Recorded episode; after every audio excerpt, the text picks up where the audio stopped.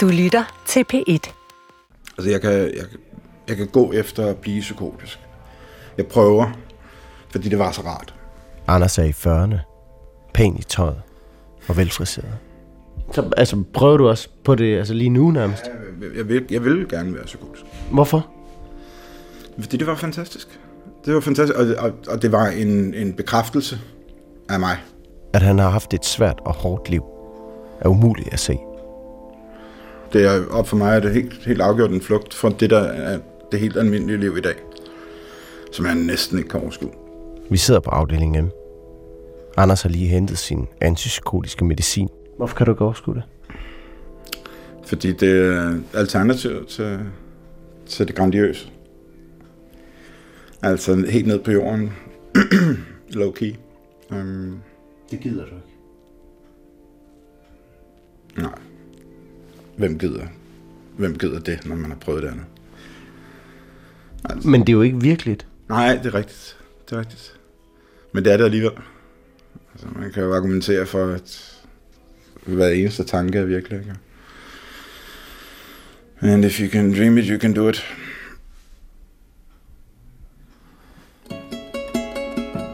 Du lytter til fjerde afsnit af Baglandets serie fra afdeling M.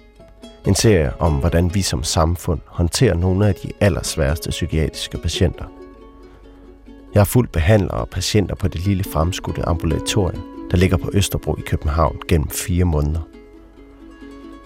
Psykiatrien har de senere år i medierne fået tæsk for at være utilstrækkelig, for korte indlæggelsestider og syge mennesker, der udskrives for tidligt, og personale, der råber vagt i gevær. Afdeling M oplever også for første gang nogensinde venteliste. De fleste af ambulatoriets patienter bor enten hjemme eller på bosteder. Men af og til må personalet se sig nødsaget til at indlægge deres patienter med eller mod deres vilje. I det her program skal du møde tre generationer af patienter. Anders, der er i 40'erne, Oliver, der er i 20'erne, og Johnny, der er i 50'erne. Jeg har været helt vågen hele natten i dag, Det er noget andet det er fordi, jeg har selvmordstanker. Men Det har måske noget med hinanden at gøre. Ja, det, det, det ved jeg ikke. Det, det kan da godt være. Jeg sidder sammen med Johnny og en af afdeling M's to psykiatere, som ikke vil have sit navn ud i radioen. Johnny har indkaldt til møde. Han vil gerne have flere metadonpiller. Er. En pille, man bruger mod abstinenser. Men psykiateren siger nej. Og meningen var jo ikke, at du skal trappe ud af noget som helst. Du skal bare... Johnny havde ugen for inden selv bedt om at få sat sin dose ned. Men noget er gået skævt hen over weekenden. Hvis du har selvmordstanker, hvorfor har du det? Sket noget særligt. Jamen altså, det, jeg synes, det kører skævt for mig, altså. Vi har snakket om her til morgen netop, hvor godt det gik. En god Det, det, det, er meget godt torsdag og fredag. det er super. Ja, Men så sker der ikke noget i weekenden nej, det, Derfor, er- der, der, der, der, der kører jeg i hovedet bare med dårlige øh, vips. Med øh, træt af livet og... Men altså, det, det, det er noget værre noget, øh, ja, ja. Og så abstinenser, mand.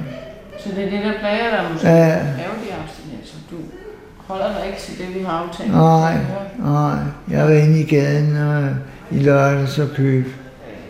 Johnny har diagnosen paranoid skizofren, og så har han gennem et langt liv haft et bølgende misbrug. Han sidder uroligt på stolen. Begge arme kører i en simultan bevægelse frem og tilbage over hans bukseben. Som en isbjørn i zoologisk have. Man kan se lige akkurat, hvor han plejer at holde sine cigaretter.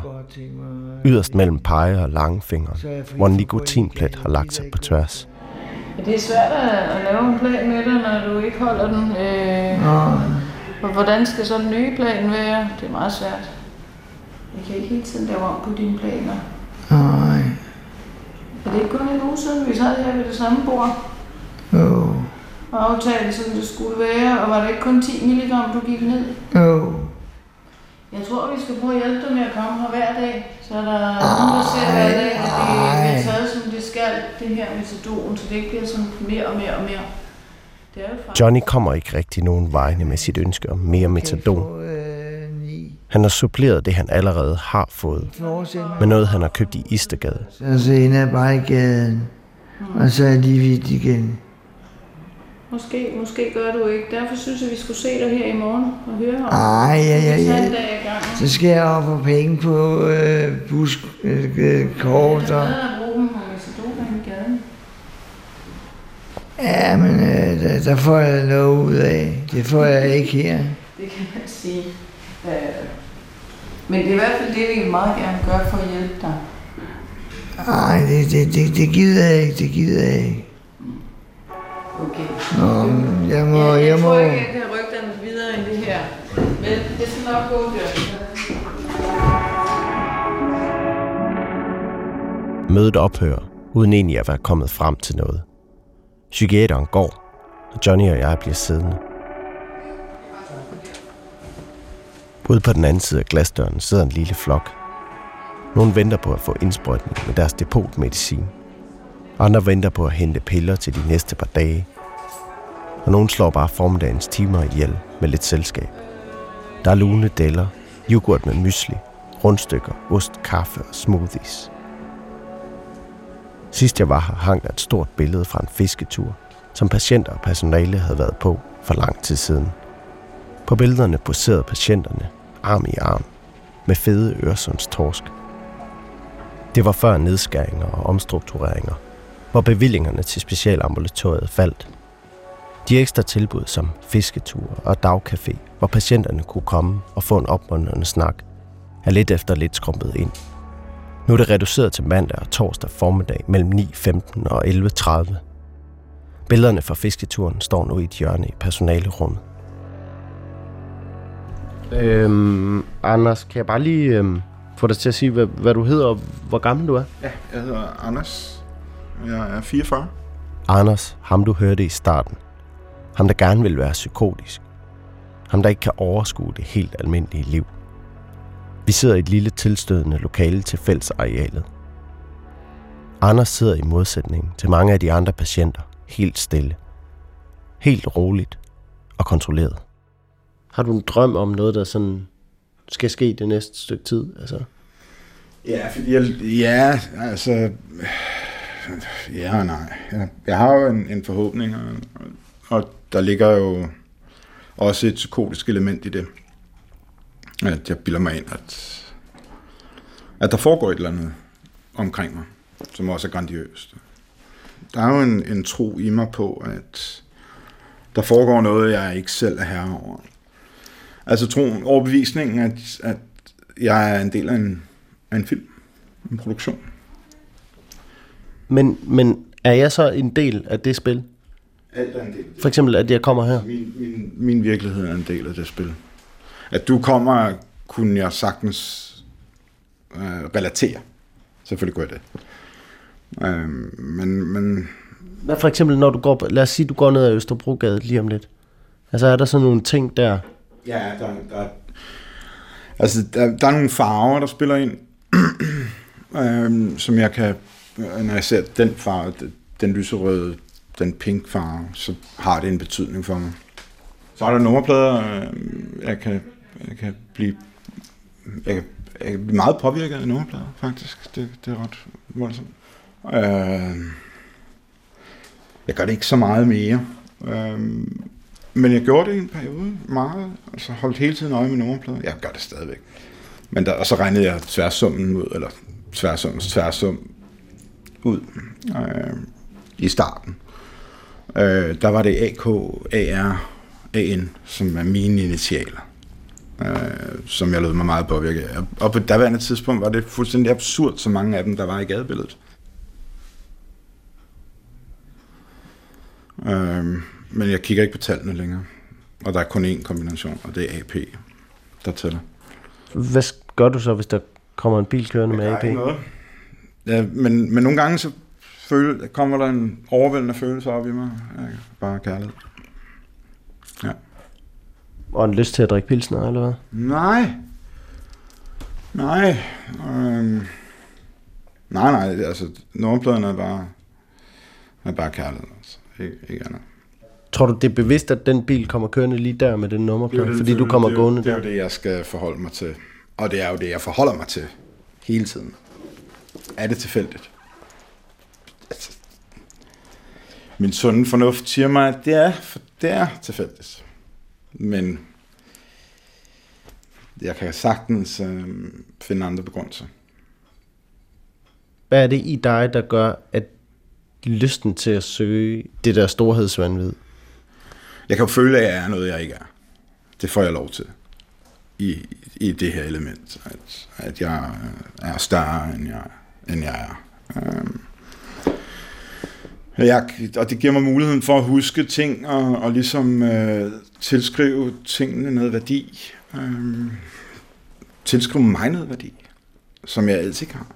Øh, sådan bliver jeg jo nødt til at, at se på det. Jeg er jo, jeg er jo principielt øh, en uuddannet øh, kontanthusmodtager, som, som det ser ud nu. Så når jeg en gang imellem kan sætte mig ned og, og dunke en sixpack eller to, øh, så føler jeg ikke, at jeg er det. Altså, så føler jeg, at jeg er noget. Altså, så kan jeg føle i en, i en kort periode, øh, at jeg er noget, jeg ikke er. Men altså, så hvis vi siger, at der er, der er ligesom måske to personer af dig. Der er den, der ikke har drukket bare, ja. og så er der den, der har drukket bare. Mm. Altså, hvad er din drøm lige nu og her? Mandag morgen. Ædru.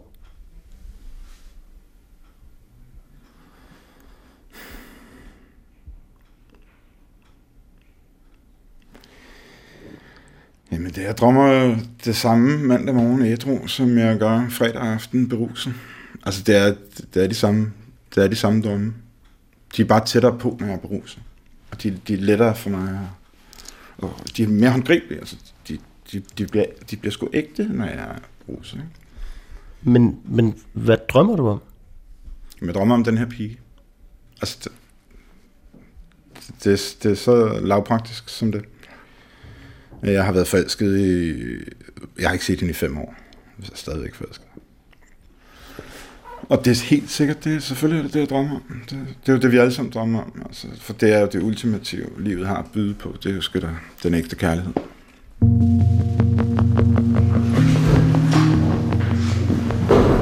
Du, du Mødet mellem psykiateren og Johnny, der gerne ville have noget mere metadon udskrevet, faldt ikke ud, som Johnny havde håbet. Psykiateren er gået, og jeg sidder tilbage sammen med Johnny. Åndsvæk healing, mand. Hun siger, at du kan komme i morgen. Jamen altså, hvad hjælper det, når jeg mangler, ikke? Hvordan kan du mærke, at du mangler metadon? Jeg fryser for øh, øh, gåsehud og sveder og fryser. Og så, men hun kan ikke sige, at jeg mangler, mand. Du, du, du ryster også lidt på benene. Jeg var oppe på at få 10 møllehjul om øh, dagen. Og så trapper jeg ned, mand. Og nu vil hun ikke give mig tilbage igen, mand. Så går jeg ud og smadrer ruden, og så går jeg ind og stjæler, og så bare tager brækjern, og så stjæler jeg al medicin. Det tror jeg ikke, du gør. Det kunne jeg godt finde på, jo. Hvis jeg har brækjern, og jeg kan komme ind, så... Du har da ikke noget brækjern lige her? Nej, men det kan man skaffe. Det kunne jeg godt finde på. Men du plejer at være, nu har jeg mødt dig en del gange, du plejer at være i højt humør. Ja, men øh, det... Ej, mand. Hun irriterer mig, mand. Nu sagde du, du har haft selvmordstanker. Hvorfor tror du, de er kommet nu? Eller hvad, hvad kommer de af? Det, det, det, det er noget med donerne og, og mit liv og kedeligt liv og foretager mig ikke noget at se fjernsyn og sådan noget. Sker ikke noget, jeg ser bare se fjernsyn. Hvad ser du? Alt muligt. Dokumentarprogrammer og film og quiz og sådan noget. Alt muligt. Jeg kan også godt lide at høre opera. Johnny kigger lidt ud i luften. Så det kan jeg godt lide at høre. Det er første gang, jeg oplever ham nedtrykt på den måde. Han er bleg, og hans ben tripper i en særlig gentagende rytme. Du skal hjem og have en lur, skal du ikke det, Johnny? Jo, det skal jeg. Jeg vil op siden kl. 12, mand. I nat? Ja. Så det er det kører skævt, mand. Skal du herind i morgen, så? Nej, jeg skal ikke. Jeg har fået medicin med hjem. Jeg skal da ikke ind. Jeg gider ikke op for 24 kroner hver dag. Bare for at snakke med øh, en ordentlig idiot, mand. Johnny rejser sig, går ud i fællesområdet, hvor et par patienter og nogle ansatte sidder om et bord. Til trods for sin nedtrykte stemning, finder han alligevel energi til at tage et spil ned fra hylden og opfordrer en af de andre til at spille med ham. Udover Kofods skole og så kontakten med specialambulatoriet, er han alene. Bare fjernsynet og ham. Når jeg ser sådan døde mennesker og zombier, og når jeg får rigtig slemme hallucinationer, så begynder jeg at få lugte- og smagshallucinationer. Så alt smager rådent, og alt lugter rådent. En patient, jeg har talt med flere gange, er Oliver. Jeg har titlen af at være kunstner, nu har jeg også titlen af at være syg. Han er i slutningen af 20'erne. Tatoveret fra top til to. Han har kondisko, afklippede cowboybukser som shorts, støvede briller for en venlig øjne. Jeg har noget oven i hjernen, som andre ikke har. Så det- det er lidt specielt på en eller anden måde. Oliver har set og hørt ting, der ikke er virkelige, så længe han kan huske. Siger de nogle gange noget til dig? Hvis de endelig siger noget, så er det sådan... Han har inviteret mig ned i sit værksted og atelier. En kælder på Vesterbro, hvor han ville vise mig de billeder, som han er ved at lave til en udstilling, som han kalder Syg Samfund.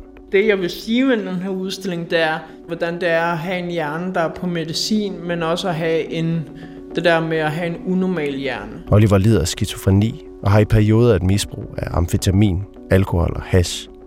Men det har dog i en lang periode været under kontrol. Altså første gang, jeg kan hu- huske, at jeg hallucinerede, der var jeg 8. Så, øh, og så første gang, at det var rigtig slemt, altså sådan som virkelig slemt, hvor jeg overhovedet ikke kunne slippe væk fra det, der var jeg 14. Øh, Kan du huske, hvad, hvad du så som 8 år? jeg så en, øh, en pige kravle ud af en mos, og så gå hen mod mig, og så løb jeg min vej.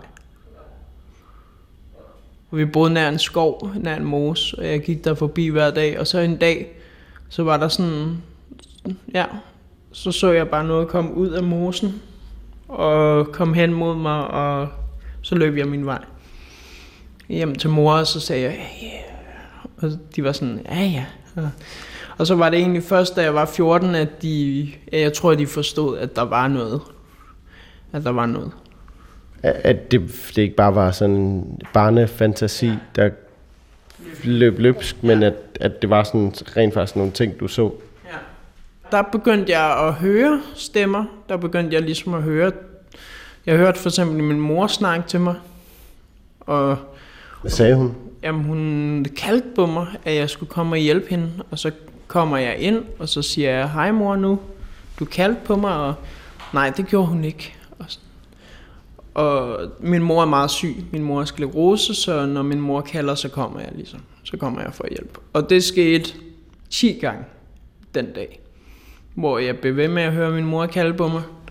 Jeg kommer ind, hun har ikke kaldt på mig. Så på et tidspunkt ude i haven, det er, når vi, mens vi er i sommerhus, så ude i haven, så ser jeg sådan nogle to børn lege rundt, eller løbe rundt i haven.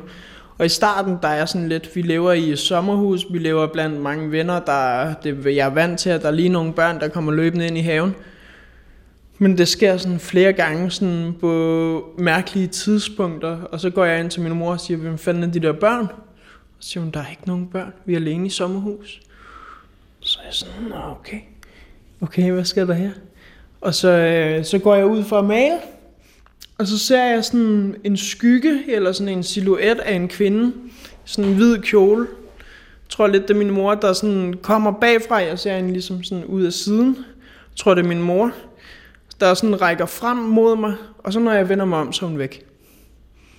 Og så der, der begynder jeg at tænke, okay, nu, nu må jeg snakke med nogen, der har forstand på øh, spøgelser, eller på, på ting, der sker oven i hjernen. Fordi det her, det er lige lovligt free. Altså, hvordan fik du ligesom sagt, okay, jeg bliver nødt til at... Jeg, jeg, jeg kan ikke huske så meget af det, men øh, min mor siger, at jeg sagde, at jeg tror, jeg skal til lægen. Jeg tror, jeg skal snakke med nogen. Fordi at der er nogen, der snakker til mig. Som I andre ikke kan se. Der er gået et par måneder siden jeg sidst har set Anders, før jeg igen møder ham på ambulatoriet. Anders, nu er det ved at være et par måneder siden, vi talte sammen. Det var ham, der fortalte om nummerpladerne, og det med, at han er en del af noget større. Vi finder samme lokale, hvor vi sætter os på samme måde, som vi sad sidst.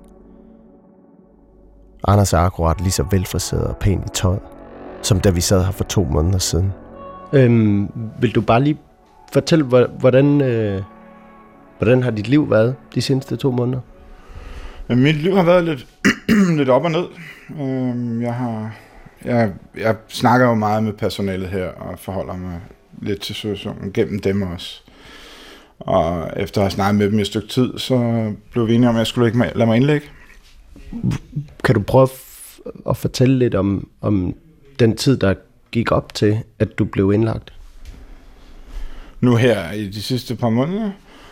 Ja, men der gik jo...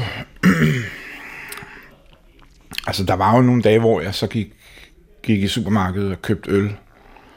Øh, og tog de der ture, som, som jeg har taget mig en gang imellem. Men der, der følger altid det negative øh, det, og det depressive med. Altså, det, det er en fast følgesvend til,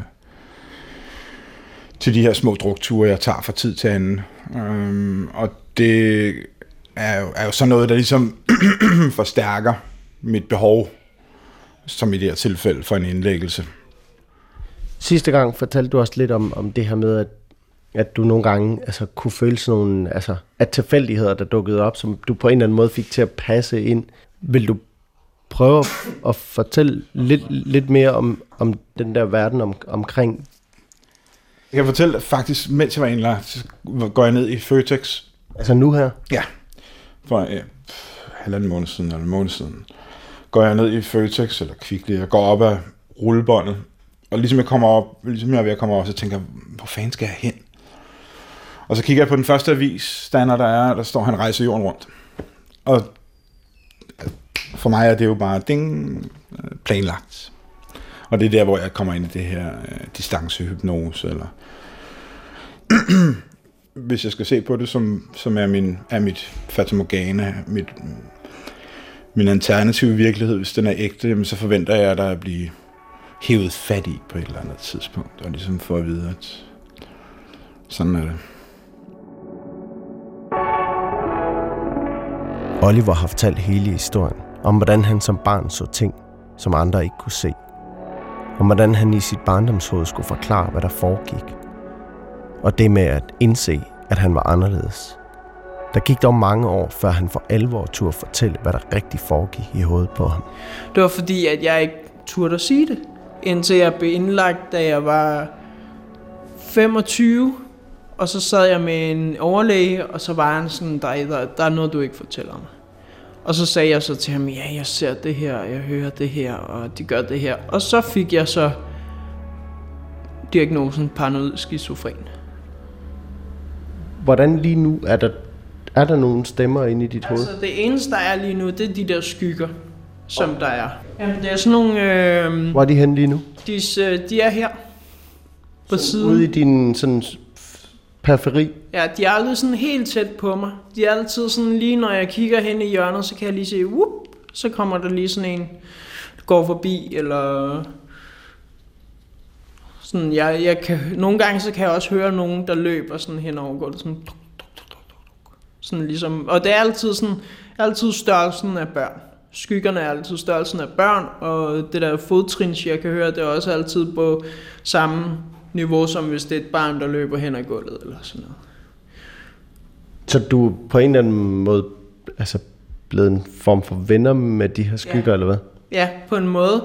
Der er nogle af, altså de der skygger, skyggerne, og så øhm, de der fodtrin og sådan noget, det er jeg ligesom vendet mig til. Det er der bare, og det er der hele tiden. Så lige nu, der er der faktisk en skygge over ved det stativ der. Vi går lidt rundt og kigger på billederne. To er på vej til at blive færdige. De er abstrakte, farverige og tredimensionelle.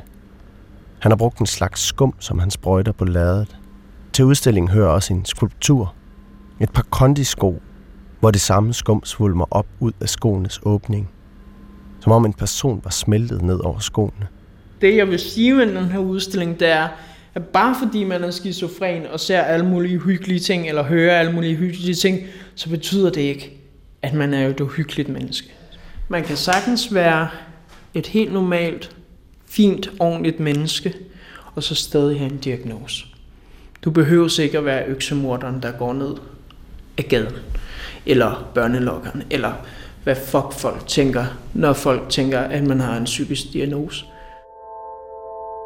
Jeg har talt med Anders i lang tid. Historier om psykotiske perioder. Om da han løb nøgen gennem København, hvor politiet hentede ham på lang linje. Hvor jeg principielt både var Gud og djævlen samtidig. Og så, øh, og så løb jeg ned til Christiansborg, og så videre og så videre. Ja, så løb jeg rundt uden tøj på.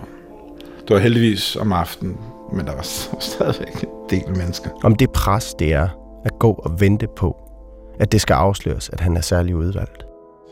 Men hvordan påvirker det dig at være i en eller anden form for venteposition? Jamen, det er hårdt. Altså, det er jo, og og det er ekstra hårdt, fordi at jeg ved, at der er en, en helt reel chance for, at alt det, jeg har forestillet mig, er forkert. Så jeg kan sidde med den her tvivl i de næste 10 år. Stadigvæk forestille mig, at der er et eller andet, der foregår rundt omkring mig, og jeg, jeg kan ikke udelukke det. Så der er en stor frygt forbundet med det. Men jeg har jo også, altså jeg har vundet lotteriet oven i hovedet. Tvivlen er en, er en hård følgesvend at have, når, når det drejer sig om noget så stort, som det jeg øh, forestiller mig. Så det, det er selvfølgelig... Altså man kan jo sige, det, det er hele dit liv, der ligesom ja, ja. er til tvivl. Ja, det er det. Det er det, det er helt rigtigt. Så øh, ja. Jeg, jeg, jeg spørger også mig selv om, jeg bare holder fast i det, fordi at jeg, jeg ikke kan overskue ikke at holde fast i det. Eller at det er blevet så stort og, og så smukt i mit univers, at, at jeg ikke kan undvære det.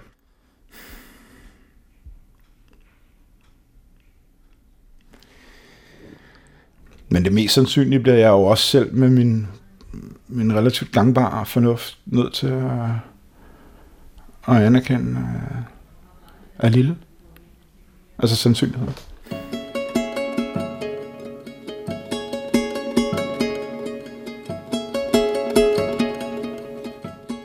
Du har lyttet til fjerde og sidste afsnit af serien for dobbeltdiagnose ambulatoriet, afdeling M. Rune Spar Gertsen er redaktør, og mit navn er Mikkel Rønnow.